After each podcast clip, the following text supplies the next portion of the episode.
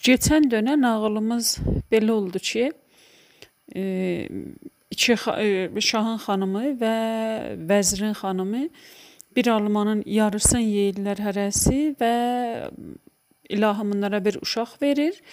E, vəzirin qızı olur. Sonra istəmir qızın verə şahın oğluna.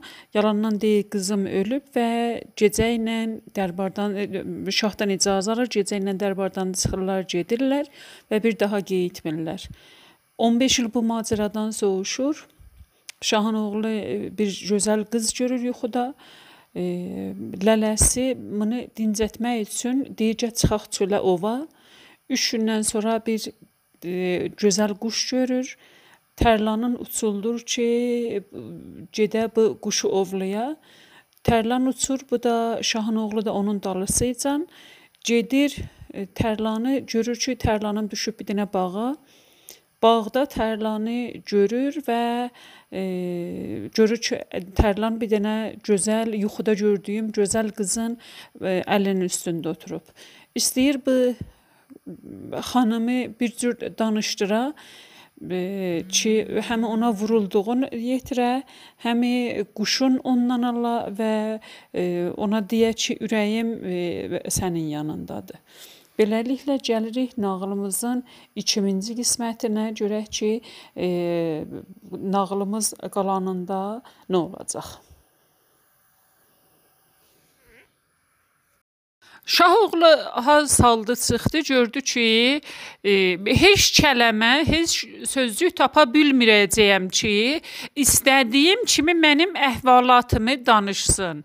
Nə yaxçı ki, elə mən qopuzdan faydalanam. E, qopuzun aldı köksünə, başladı şeirlə, e, qopuzun havası ilə e, sözlərin deməyə. Özün tanıtdırdı. Bir e, qərib şah oğluyam. E, ova çıxmışdım, amma mənim ovuçu tərlanım sanki burada ov olubdu. Bu gözəl xanım e, sazın səsin, bu aşığın səsini eşitsək, başın çördü, gördü ki, bir gözəl uca boylu buxunlu e, oğlan durub yaxınlığımda. Tez örpəyin çəkdi üzünə. E, Ay aşıq, sən kimsən? Deyər mən aşıq deyiləm ki, ova çıxmış biriyəm. Deyər bəs ovun hani? Deyər tərlanımı buraxdım bir quş dalısıcan. Özüm də dərhal o tərlanımın dalısıcan gəldim. Amma görürəm ki, tərlanım əyləşib sizin qolunuzun üstə. İndi gəlmişəm tərlanımı aparam. Xanım deyir bir tərlançı ov almadı, ov gətirmədi, ona tərlan demək olmaz. Şahın oğlu gedər deyər, e, gözlərim sənə qurban. Hələ ki tərlanımın əlində ov var. Xanım cavabında gedər, bu tərlan ovçu tərlan deyil. Hələ ki e, özü ovlanıb. Özü şikar olubdu. E, hanımının şikarı, hanımının ovu. Şahın oğlu görər elə bir mən sıradan bir xanımla qarşılaşmamışam. Bu xanım özü söz sərrafıdır. Bu xanım özü e, bülən biridir. Sözün e, yaxçı qolayını seçir. Bülür nə danışacaq. E, Təzədən sazı aldı əlinə və başladı e, xanımı tərifləməyə. Ay alagözlü xanım. Ay e, nazlı dilbər xanım. Ay ovçuların ovçusu, mənim tərlanımı geytər ver. Mən e, adlı sanlı bir ovçu biriyəm. E, uzaq yollardan gəlsəm də, amma əslimə elmə bağlı bir adamam. Ay Alagöz xanım, mənim tərlanımı gətir ver də. E, Bu sözləri deyər və gözləyər ki, e, xanım bu tərlanı qaytarsın. Bir ara görər elə bir biz çox aralı durmuşuq. Bir neçə addım e, xanıma tərəf ayaq götürər. Xanım görər ki, oğlan mənə yaxınlaşır. Deyər, mən bilmirəm sən bu tərlanın işi nə mənədir. Kərəm eylə cə tərlanı alapar. E, mən nə bunun qanadını bağlayıram, nə bunun ayağından tutmuşam. E, gəl bu tərlanın Bu da sən mənim e, sənin tərlanında işim yoxdur. E, deyir xanım sən e, çox əsli köhlü bir adamsan. Deyir sözü uzatma. Kərəm qıl, gəlcinən bu tərlanı al apar. Şahın oğlu deyər, indi ki belə oldu, qoy sənin adın əsli olsun. Mənim də adımı Kərəm qoyaq. Xanım deyər, olsun da. E, amma e, ay Kərəm, burada dayanma. Biri səni burada görər, xəbər gedər yetişər mənim atamın qulağına, elin qulağına. Mən bu Zənci kəndində bəyabır olam. Mənim atam, anam adlı sanlı biridir.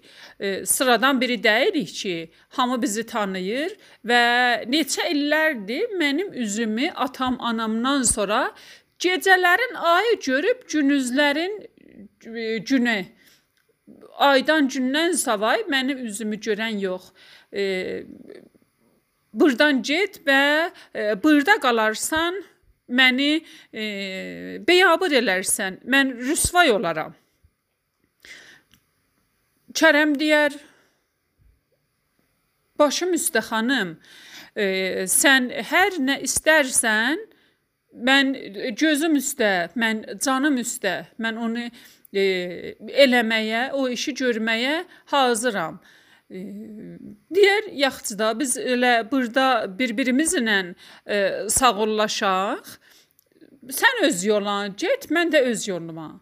Deyər xanım, öz yoluma gedim nədir? Mən sənə vurulmuşam. Bu e, adi bir görüş deyildi ki, mən sənin məlahətinə, mən sənin gözəlliyinə, mən sənin bu gözəl danışığına elə vurğunam ki, heç kəlmə tapanmıram öz əhvalatımı ondan dilimə gətirəm. Deyir hələ bunları sonra düşünərsən. Gəl bu quşun, bu da sən. Lütfən burdan get və e, qoy mənim adım pisə çıxmasın xalq arasında. Tez ol, indi biri gələr bizi burada görər. Kərəm irəli gedər, xanımın qolunun üstündən, əslinin qolunun üstündən tərlanın alar, qoyar çiyninə və e, düzələr yola, bağdan çıxar eşiyə. Gələr həmin yerə ki, lələsi Sufu ilə birlikdə orada e, o Sufudan ayrılmışdı və getmişdi Tərlanın yanına. Gedər təzdəndən e, Sufunun yanına. Şahın oğlu gedib ova və Sufu da onu gözləyir. Görər gəlməyi biraz çoxa çəkdi. E, deyər bir dənə quşu tutub gətirmək niyə bu qədər uzandı? Biraz içində şah oğlundan sarı niyaran olar. Atına bir gəmçi ki, gedim görüm şahın oğlu harda qaldı. Elə yerin at iki qədəm götürməmişdən e, görər ki, şahın oğlu gəlir. Amma bu gəlmək e, adi bir gəlməyə bənzəmir. Getdiyi kimin gəlmir ovdan gələn ya vurub söyünür gəlir, ya vurmayıb tələsik gəlir, bir gedə bir ayrı ovun dalısıcan. Görər addım-addım götürməyə Şahoğlunun sanki dizində güc qalmayıb. Gələn sadə bir təndir, ruhu yoxdur, elə Şahoğlunun ayaqları bir-birinin dalısıcan sürünür. Yeridikcə də çönür bir arxaya da baxır. Gözü qalıb dalında. Deyər öyüm yıxıldı. E, Şahoğluna nə gəldi? Bə niyə belə olub? E, görəsən biri bir söz deyib, biri bir sayğınsızlıq eləyib. E, axı Şahoğlu elə bir adam deyil, birinə bir söz desin, birin incitsin. İçinə bir höyüşnə dolar Sofonun. Şahın oğlu yaxınlaşanda e, yorulma Şah oğlu. Nə vurdun? O gözəl səsli quş hani gətir görək o nə cür bir quşudur o cür gözəl səsi var idi. E, deyər ay Sufi, dindirmə. Deyər necə nə oldu? Biri bir, bir söz deyib, sayğısızlıq eləyib, səni incidən bir zat var. Deyər Sofi, e, ova çıxmışdıq, yaman ovlandıq. Nə ovlanması, nə oldu? E, axı görüm hələ o quşanı. Deyər ovum yox. Özüm də ovlanmışam. E, bu tərlanın belə getməyindən mənim belə gəlməyimin bir hasılı oldu. E, özümə bir ad qazandım. Sufi gülər, söynər və adın üstə qəyim olsun sultanım. De görüm nə yaşadın bu gedib gəlməyində? Deyər ay Sufi, yadında sənə yuxumu danışmışdım. Deyər, hə, yadımda. Elə o yuxuya xatir çıxdıq e, ova ki, sənin e, əhvalatın düzəlsin də, o pozğunluğun aradan getsin. Deyər, yuxuda gördüyüm o Alagöz xanımı, o Yamacgöz xanımı indi mən açıq-aydın gördüm. Necə gördün? Kim idi? Deyər, gəl e, danışım sənə. Şahoğlu oturar bir tərəfdə deyər, bu cür keçdim ki, tərlanımın dalısıcan bağa. Gördüm ki, elə yuxuda gördüyüm o gözəl səfalı bağdır. Və yuxuda gördüyüm gözəl xanımı da mən elə burada açıq-aydın gördüm. Bir-iki kəlmədə danışdıq. Elə bu adı da mənə həmin xanım e, verdi. Mənə Kərəm adı qoydu. Mən də onu əsli adlandırdım. üçün əsli köklü bir xanım idi. Danışığından, oturuşundan e, əsən e, kəmalat yağırdı da. E, çox dərin düşüncəli bir xanım idi. Deyər çox gözəl. Sevinirəm sənin bu sevgi dünyasına keçməyi və e, ağır arxayın ol, hər kəsi sevərsən, e, sultanımızın e, qüdrəti, vari, e, məhəbbəti o qədər var xalq arasında ki, sən istədiyin kimi eləyə bilərsən, e, yaşayasan. Hər kəsi sevərsən, sultanımız onu sənə alacaq. E, Deyər bu sözləri ötür, day burada qalmayaq. E, gəl minək atımıza və gedək obamıza sarı. Sufi deyər sultan, e, şahzadəm, sultan yaşasın, şahzadəm yaşasın. Əmir sənindir. Hər nə cür deyərsən hayl elərik. Minərlər atlarına və e, doğru gələrlər obalarına sarı. Kərəm Tərlan qolunun üstündə divardan aşıb gedəndən sonra e, xanım ki oturmuşdu, öz-özünə qaldı. İndiyə kimin mənə Qara Sultan adı vermişdi atamgil. E, indən belə mən nə cür deyim adım əslidir. Onu keçəndən sonra e, məni bu cür atam qoruya-qoruya saxlayıb, mən ha deyim oğlan hardan gəldi, nə gördüm. E, Axı əslən mən ailəmin yanında bunun sözünü nə cür aşmalıyam? E, mən nə cür deyim, bir dənə quş gəldi, qotdu mənim qolumun üstə. İnanmayacaqlar ki. E, içində belə vırnıxırdı. Üzündə rəh də qalmamışdı. Ailəsi gözləyirlər evdə, evlərində ki, qızımız gələcək. Qızlarına da e, Qara Sultan ad qoymuşdular. Böyük sultan e, anlamında. E, Anası görər qız gəlmədi. Keçər bağda, ki görüm qızım hani, görər qızın özü oturub orada, amma e, gözləri axıb gedib dünyanın Allah bilsin harasında e, dolanmaqdadır, harasında fırlanır. Yaxına keçər, çağırar, görər yox, qızım heç cavab vermir, öz xiyal aləmindən ayrıla bilmir. E, keçər əlin qoyar çiyninə qızım. E, əlinin ağırlığından bir ləhzə e, qız özünə gələr.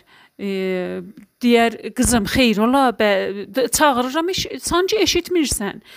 Deyər ana bağışla, fikrim ayrı yerdə idi. Görər qız gündəki kimindəyi. Ay qızım, e, kefsiz kefsiz dəyirsən. Deyər yox nənə, deyər e, amma mən həkiməm ha qızım.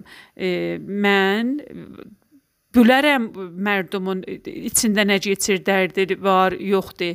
Sən səhər evdən çıxdığın qız dəyirsən. Qız görər ki, mən anamdan bir söz dana bilməyəcəyəm. Həmin anamdır, məni tanıyır.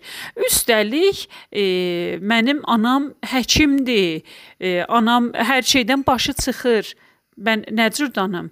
Deyər ana, mən bir inanılmaz olay yaşamışam. İnanılmaz bir zətlər gəldi mənim başıma. Qızım nə gəldi? Nə oldu? Deyər oturmuşdum burada, e, birdən bir tərlan girdi bağımıza. Elə bilmirəm nə cür oldu. Bir an qolumu uzatdım üstə, e, tərlan gəldi otdu mənim qolumun üstündə alıcı tərlanıdır. Özü də e, dərs almış, eğitim almış bir tərlanıdır. E, öyüdlü bir idi. Mən e, sadə sıradan bir tərlan dəyirdi. O tərlanın dalısıcanda e, bir gözəl oğlan gəldi ana. Mən ömrümdə o cür gözəl bir oğlan görməmişdim. E, deyər, xub, tanıdın kimidir? Deyər nənəş mən bağımızdan eşiyə çıxmamışam ki, görəm kimi bir birində tanıyam. Belə uca boydu, belə xoş danışıq idi, qopuzu var idi. Tərlan da onunku idi. E, Özdə mənə dedi ki, e, indən belə sənin adın Əslə olsun. Mən də ona Kərəm adı verdim. Anası dodağın dişləyər, e, aman qızım, e, atanın yanında bu söhbəti eləmə. E, oğlanı da e, xiyallarından, fikrindən sil getsin. E, atan bilsə səndən çox narahat olar və bir daha səni qoymaz gələsən, bağda oturasan. Deyər ana, dildə deyə bilərəm, sildim, amma elə mənim fikrim qalıb oğlanın yanında. Deyir qızım, söhbətin eləmə, gəl gedək içəriyə. Gələrlər içəriyə, anası elə öz zehnində bunu qoyar ki, tapşırmışam qızım heç zət deməyəcək e, və oğlanı yadından çıxardacaq. Elə inşallah yadından çıxardar. Söhbətləri ana-bala e, burada qurdular, amma e, qızın elə ürəyi qalmışdı bu Kərəm adı qoyduğu oğlanın yanında ki, görəsən kimcığazıdır, hardan gəlmişdi, görəsən bir də onu görə biləcəyəm, bir də biz qarşılaşa biləcəyik bu oğlanla Bu fikirlərlə gecəni gündüzə yetirir, gündüzü gecəyə. Gün Allahın verən günü gedir oturur bağda ki, e, bəlkə bir də tərlan gəldi. Bəlkə bir də e, bu oğlan girdi bağa, mən bu oğlanı bir də görə bildim gecədən səhərə duası budur və səhərdən axşama bağda gözlədiyi, bu sevdiyi oğlanın ilk dəfə e, ilk dəfə gördüyü oğlanın e, royaları ilə günüzlərin axşama yetirir. Ziyadxan Şahzadəsin ova yola salandan sonra içində biraz e, narahatıdır, niyaranıdır ki, e, oğlumun ilk dəfə ova çıxmağıdır. Özləri də gərovulsuz gediblər. Bir lələsidir, bir özü. E, görəsən e, başarı ilə sona çatdıracaq bu ova çıxmağın. Bir yandan da söyünürdü ki, e, gözümün ağı qarası oğlum sonunda boya başa çatıb və özü öz ayağının üstündə durub gərovulsuz ova çıxıb 2 dənə e, fərqli hiss, duyğu yaşayırdı. E, ki xəbər gələr ki, sultanım e, şahzadə ovdan qayıtdı. İçində biraz dincələr ki, e, xeyirli ilə soğuşdurdu ilk ova çıxmağın. E, başarısı var. E, niyarançılığı sona çatar. Kərəm də lələsi ilə bahəm obaya yetişər, atın verər ləliyə və gələr atasının yanına ki, sayğısını göstərsin və ehtiram eləsin. Ondan keçəndən sonra da ova çıxmaqlarını danışsın. Gələr atasının yanına, salam verər, əlindən öpər və e, oturar təxtin əşyasında və danışar ki, e, ay ata, ova belə çıxdıq, e, mənə inandığın üçün səndən təşəkkür eləyirəm. E, deyər, "Xoş, danış görüm, nə vurdun?" Deyər, "Ata, ovumuz elə gözə gəlim olmadı, amma özümə ad qazandım." E, Sultan çox söyünər oğlunun ad qazandığına və deyər ki, adın üstə gəyim olsun oğlum, nə gözəl e, özə ad qazana bildin. Adın nə? Deyər ata, icazənlə indən belə məni e, Kərəm çağırın. E, Ziyadxan durar, oğlunun alnından öpər və e, adın üstə gəyim olsun e, oğlum deyib və deyər, "Xoş, indi ovundan danış."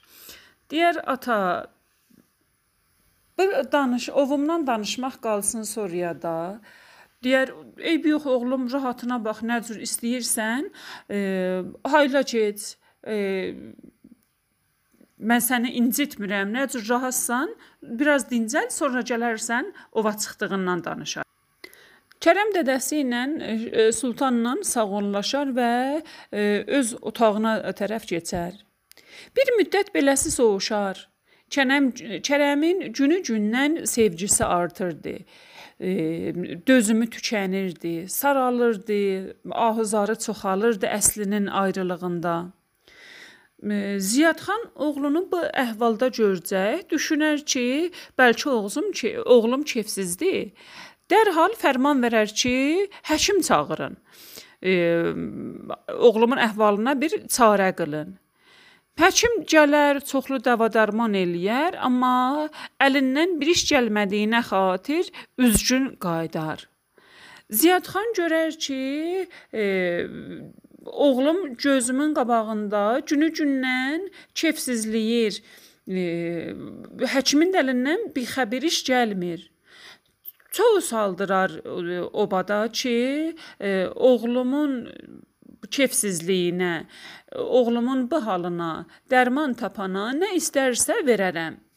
Çoxlu həkimlər, bilicilər hər tərəfdən yığılıb gələrlər, amma heç birinin əlindən bir iş gəlməz ki, e, Kərəmin halına, halın düzəldə bilsin. Kərəmin bu pozğunluğun e, çarə eləyə bilməzlər. Günlər belə bir-birinin arxasıca sürünüb getməkdədir. Kərəm bir axşamüstü bağda oturmuşdu. Xiyalında əslini gördüyü e, bağı gəzirdi, dolanırdı. Öz e, röyalarında əslinin alnından öpür, əslinin başını tumarlayır. Öz içində əsli ilə deyib danışırdı. Bir qoca xanım oradan soğuşanda Kərəmi görər. Deyər, ay oğul, niyə beləsi pozğunsan? Niyə belə tutqun durubsan burada? Bax, yaylaq vaxtıdır. Ölkəmizin bütün gəlinlik qızları çölə çıxıb, yaylağa çıxıblar. Çıx dolan, göylün açılsın. Kərəm birdən deyər, e, ay ana, ürəyi yumşaq xanıma oxşuyursan. De görüm, onların içində Zəngi kəndindən də gələn var? Qoca qarı deyər: "Ay, deda, bəs səni bu hala salan Zəngi kəndinin bir gözəlidir." Kərəm deyər: "Hə, ana, düz bildin, amma lütfən bu sır aramızda qalsın. İstəmirəm biri mənim bu sırrımdan xəbərdar ola. E, bax, fələyin mümkünüdür. Birinin yanında oturub deməyəsən ha mənim sırrımı." Qarı deyər: "Arxayın ol oğlum. Elə burada eşitdim, burada da qaldı. Mənim qulağım var, ağzım yox. Arxayın ol. Bunu deyər, düzələr yola gələr, doğru sultanın yanına, Ziyadxanın qulluğuna çatar. Qapıçılara deyər, sultana ərzim var. Ay qarı, sən hara, sultan hara de sözünü deyər, olmaz gərək sultanın özünə deyən. Qərovulçular qarının qabağını kəsirlər. Qarı da hay-küy salıb içəridən sultan görər sanki qapıda bir hay var. E, deyər çıxın görün nə haydır, nə xəbərdir bu eşdə bu cür haraydat var Qərovulçuların arasında. Gələrlər deyirlər sultan bir qarı var burada e, çox e, israr eləyir, iki ayağını təpib bir başmağı ki, gərək sultanı görəm, sultana özümün ərzəhalım var. Deyər, necə olanda gətirin görək də bu qarının bizlə nə işi var? E, mənim ilk görevim mərdumumun sözünü eşitməkdir. Deyin gəlsin. Qarı düzələr Gərovurların dalısıcan gələr sultanın xidmətinə. Sultanım yaşasın, qabil ərzim var. Deyər, qoca eşidirəm, sözünü de. Deyər Gərovurların dinin çəkilsin kənara. Sultan deyər, qarını təh qoyun. Qərovurlar çəkilərlər qırağa və e, qarı deyər ki, e, sultanım, canım sənə fəda. Buyurmuşdun oğlumun dərmanına çalışaq. Mən də oğlumun dərdini tapdım. Deyər, e, sən tapdın? Deyər, hə, tapmışam. Deyər, nədir oğlumun müşkülü, incikliyi? Digər oğlun Zənci kəndindən bir qız istəyir. Mənim oğlum Zənci kəndindən deyər, hə sultanım, oğlun müşkülü budur. E, deyər, tamam. Mən sən hər nə istəyirsən, getginən xəzanədən sənə bağışlasınlar.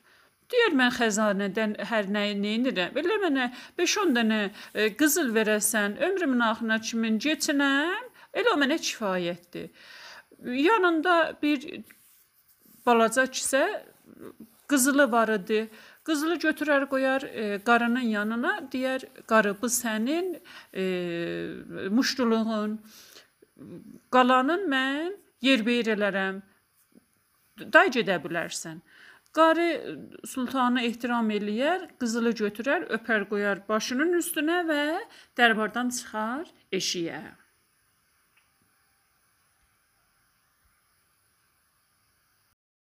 Qarı gedəndən sonra Ziyad xan deyər ki, gedin oğlumun lələsini çağırın gəlsin.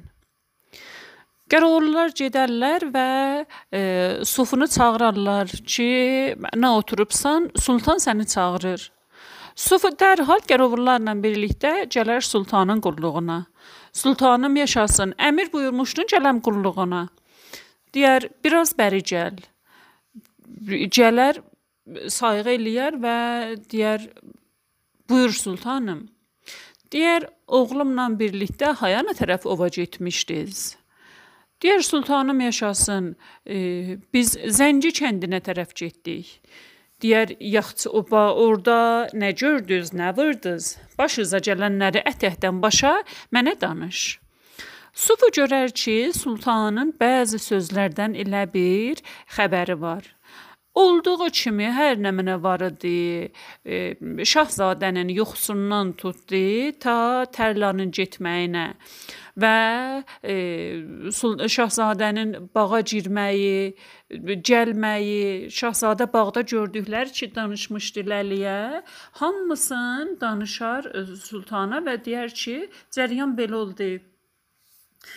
Deyər, e, yaxç, e, sən indi get. Ondan sonra deyər ki, indi gedin oğlumu çağırın gəlsin. Gedərlər və Kərəmi çağırarlar ki, şahzadə yaşasın, sultan səni qulluğuna çağırıb. Kərəm gələr atasının yanına, əlindən öpər, ay ata, əmr buyurmuşdun gələm qulluğa. Deyər, ay oğul, bilirsən də, mənim dünyada səndən savay ayrı uşağım yox. Bu yığdığım var, dövlət, e, sultanlığım filan hamısı da səninkidir. Mənim e, ilk arzum sənə budur ki, şən yaşamını görəm, ailə qurmağı görəm, səni evləndirməyi görəm. E, hər necə olmalı olsa, sevdiyin qızı tapıb sən tapıb sənə alacağam. İndi danış görüm sən kimi sevirsən, kimcığazdır. Kərəm e, Sufi e, Sufiya danışdığı kimi yuxusunda gördüyün, sonra ova çıxdıqların, bütün yaşadıqların atasına danışar. Ziyadxan deyər, e, o bağ Zənci kəndinin hayanındadır. Kərəm başardığı qədər o bağın izliyində e, atasına danışar. Ziyadxan deyər, e, qızı bəyənmək səninkidir. Onu o qızı tapıb alıb gəlin gətirmək də məninkidir. E, sən arxayın ol, hər hardan olmalı olsa, mən o qızı tapıb və səni alacağam. Ziyadxan e, Kərəmi salar yola gedər və e, bir neçə nəfəri göndərər Zənci kəndinə və deyər o bağın sahibin tapın gətirin bura görüm o bağ e, bağ sahib kimdir, kimcığazdır, nə adamıdır, nə iş görür. Gərovurlar deyirlər baş üstə. Dərhal e, sultanın dərbanından bir neçə nəfər ata minib və Zənci kəndinə gedərlər e, aldıqları izlə ilə bağı tapıb və sahibini soruşarlar. Kəndlilər deyirlər ki, bu bağ bir keşişindir. E, evi də elə o bağın içindədir. Ucsuz bucaqsız bir bağdır. E, biri ilə işi yoxdur. Elə amma bağda neçə nəfərdilər bilmirik. Elə biz bu keşişin özün görmüşük. Adı da Qaraməlikdir. Atlılar çətlərdən sağollaşıb və bağa sarı gedərlər. Bağın qapısını döydüklərində e, Qaraməllik qulluqçuları çıxarlar e, qapıya. E, qapını açanda atlıları görüşən, görəndə bunları bir höyüşünə tutar. Xeyr, ola nə atlısı? Atlılar deyərlər ki, Qaraməliyə deyin gəlsin. E, qulluqçular dərbarın nişanını gördüklərində biraz çəkinərlər. E, Dərhal keçib Qaraməliyi çağırarlar, ələyaqları əsə-əsə. E, Qaraməlik deyər, "Xeyrulla, nə bu nə höş, nə ələyağız niyə əsir?" Deyirlər ki, e, ərbab yaşasın, dərbardan gəliblər bir neçə atlı, e, səni çağırırlar. Qaraməlik biraz içinə e, qorxu dolar, amma ələyağını itirmədən e, gələr qapıya.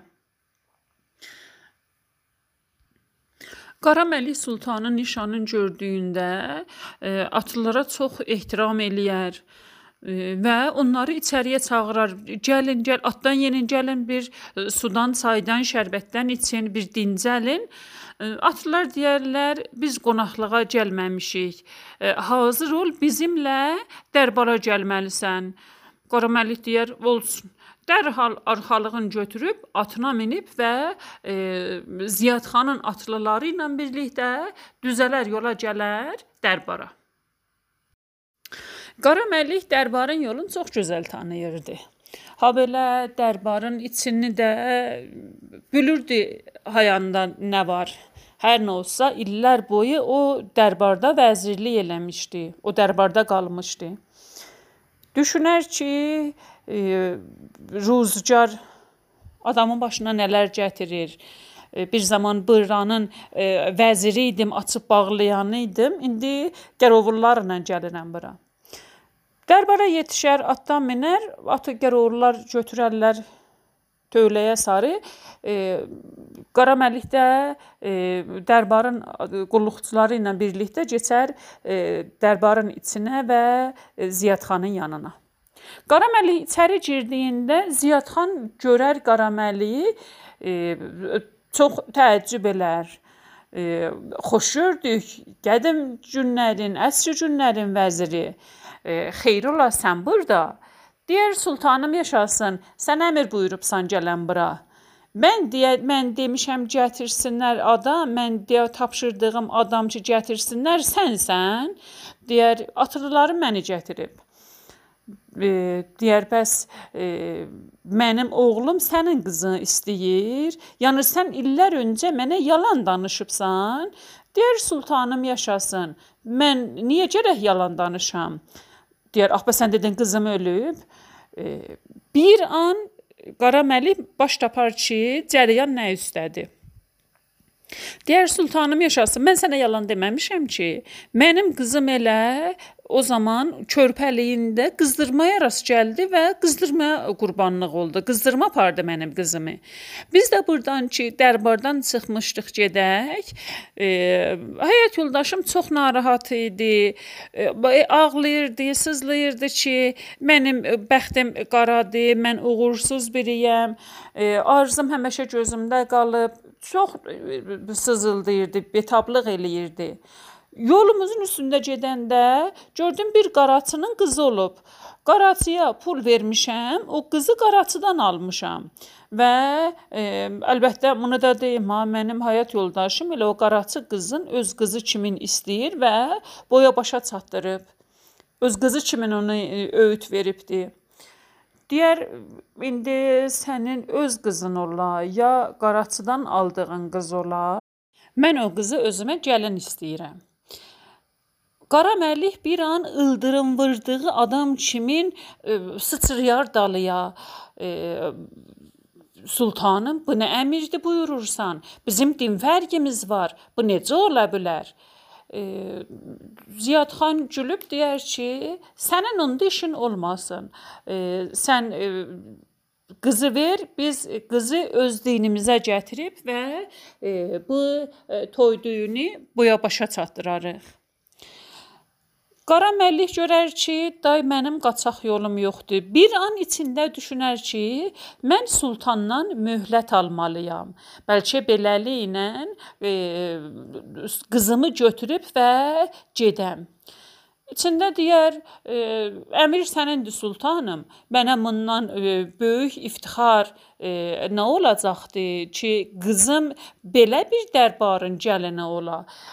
Mənim başım üstündə qız sizin. Amma bu arada mənə bir möhlət ver, mənə bir vaxt ver. Mən toy düyün hazırlıqlarına baxım. Axı mən e, Qaraçıya söz vermişəm ki, o qızı öz doğma qızım kimi bəsləyəm, yeyə duram e, onda başdan saldı bir iş görsəm, onda sözüm e, qaraçının yanında yalan olar. İcazə ver, mən e, toy hazırlıqlarına baxım, qız sizin. Deyər, yaxçı nə qədər zaman istəsən? Deyər, sultanım yaşasın, 6 ay kifayətdir. Deyər, yaxçı, get, hazırlıqlara bax, 6 aydan sonra biz gəlirik, gəlinimizi e, şənliklə, ağırlıqla, toy düyünlə dərbarımıza gətirək. Əmir sənindir sultanım. Söz bura yetdiyində Sufi demə orada arxada durmuşdu, qulaq asırdı. Söyüncək gedər e, Kərəmin yanına. Ay Kərəm, nə oturubsan? Durmuşduluğumu ver. Kərəm deyər, e, ay Sufi, mənlə nə baş-başa qoyursan? Qoy öz dərdimə yanımda. Deyər, nə dərdi? Sultanla Əsli xanımın atası indi danışdılar. E, 6 aydan sonra e, gedirik və gəlin gətirək. Doğru deyirsən, deyər, hə, şahzadəm yaşasın. Kərəm söyünər, durar Sufunun başı boynun qucaqlayar, şadlıq elərlər, gülərlər, söyüncəyindən, gözündən sular axar bulaq sayağı ki, ilahi bütün sevənləri bir-birinə yetir, məni də arzuma yetirirsən. E, beləliklə Qara Məlik Ziyadxandan e, icazə alıb və atına minib gedər Zənci kəndinə. E, Ziyadxan da ürəyində bu dinciliyə, bu söyüncəyə yetişər ki, e, oğlumun toyun, oğlumun şən yaşamın, dinc həyatın e, görəcəyəm. Söyünəcək dərbarda da şadlıq işləri başlanar.